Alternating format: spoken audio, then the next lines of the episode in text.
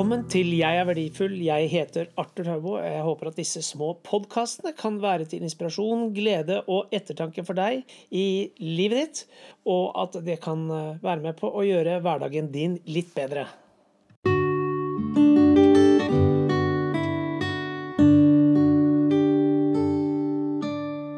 Kjære venn, her om dagen så hørte jeg en eh, fortelling om eh, en dame som hadde dødd og kom opp til himmelen.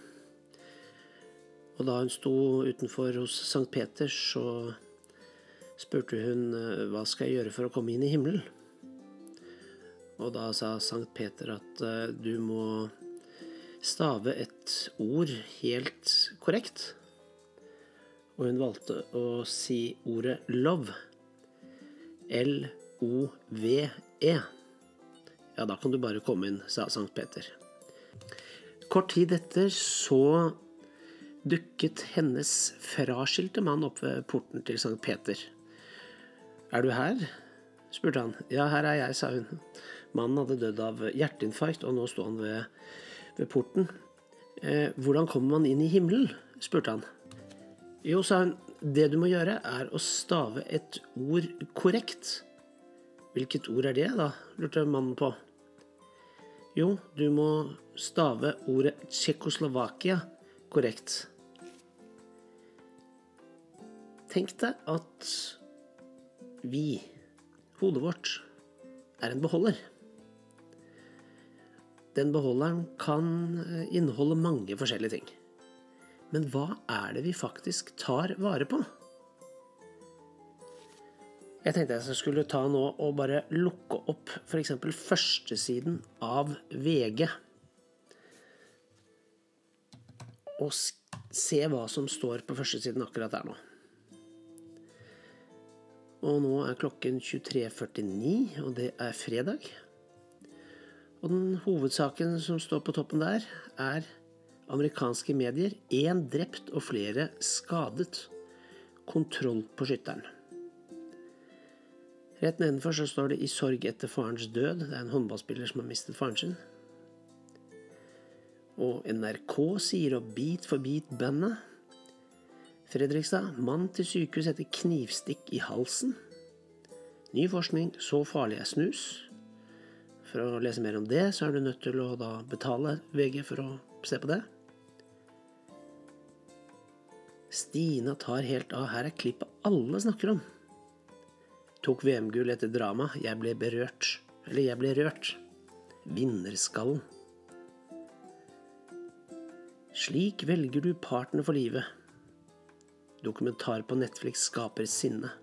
Trump erklærer nasjonal krise. Det er vilt, skjeller ut reporter. Den siste tiden så har jeg prøvd å, følge ganske mye med i media på hvor mye faktisk folk bruker ordet bekymring. Og den forekommer nå nesten i annenhver setning. Folk er bekymret for eh, strømprisene. Folk er bekymret for hvordan det skal gå med klima, fremtiden. Det er enormt mye å være bekymret for. Vi er bekymret for at det ikke er nok medisiner i Norge, at nødnett er nede at eh, Russland og USA ruster opp. Det er veldig mye å være bekymret for. Det er veldig mye å være urolig for. Men alle disse tingene, det er ting som vi lagrer og putter inn i hodene våre. Og som tar opp plass til det som burde være bra. Jeg vet ikke hvordan du har det, og du vet ikke hvordan jeg har det. Men jeg hadde et litt sånn trøblete år i 2018. Uten å gå noe mer inn på det. Det er ikke så viktig. Men man kan jo da til tider lure på hm, Skal det ikke bli bra snart, liksom? Når er det nok? Hvor mye skal man ha? Og det vet vi ikke. Livet er urettferdig. Ting kommer mot oss hele tiden. Det er en del av livet. Vi møter på utfordringer, ting som vi føler at kommer til å ta knekken på oss. Vi er bekymret, vi er redde, vi er lei oss, vi er såret. Vi er forbanna på ting. Det er så mye som tar opp plass. Men den plassen den er vi nødt til å renske for all den dritten som opptar der. Vi er nødt til å prøve å putte inn de gode tingene som vi ønsker oss å ha der istedenfor.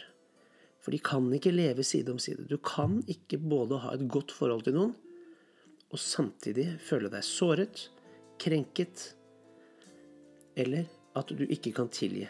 Det er ikke alltid man tilgir mennesker for de grusomme tingene man i utgangspunktet har gjort, for deres skyld nødvendigvis. Men du er nødt til å tilgi andre mennesker for din egen skyld. Egen skyld. Du kommer ikke videre. Jeg kommer ikke videre hvis jeg lar ting henge ved og fortsette å ta opp plass i livet mitt. Hvem trenger jeg å tilgi?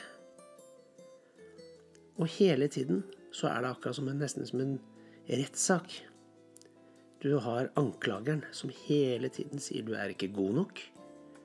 Du får det ikke til. Er du sikker på det? Er du sikker på at du er eh, elsket høyt nok?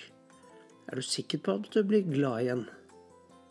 Alle disse tankene tar opp så mye tid og plass i livene våre. Men vi er nødt til å få de tankene bort. Tøm beholderen. Legg dagen som ligger foran deg, ta den opp på ny og si at dette skal bli en bra dag. I dag vil jeg ikke tillate de og de tingene til å styre livet mitt. Jeg vil ikke at speilene på bilen min, når jeg ser inn i dem og ser bakover, at det skal ta opp det som ligger forover. Du kan ikke se bakover og fremover samtidig. Hvem skal jeg tilgi i dag? Hva er det jeg skal rette opp? Hva er drømmen min? Alt det som ligger bak, det trenger ikke å prege det som ligger foran. Som sagt, jeg vet ikke hvordan du har det. Jeg vet ikke hvordan du kanskje har blitt såret. Hva som du ikke har fått til. Eller lidelser, problemer, sykdom eller annet. Det eneste jeg vet, er at vi kan bestemme oss for det som ligger foran. Det var en gammel dame på over 100 år som ble spurt hva er årsaken til at du holder deg så utrolig godt? Og hun svarte I don't worry. I let things go. And I laugh a lot. Tenkte jeg skulle avslutte med lite, et lite musikkstykke. Og håper at det kan gi deg litt løft under vingene. Og at du får en fin dag videre. Vi høres. you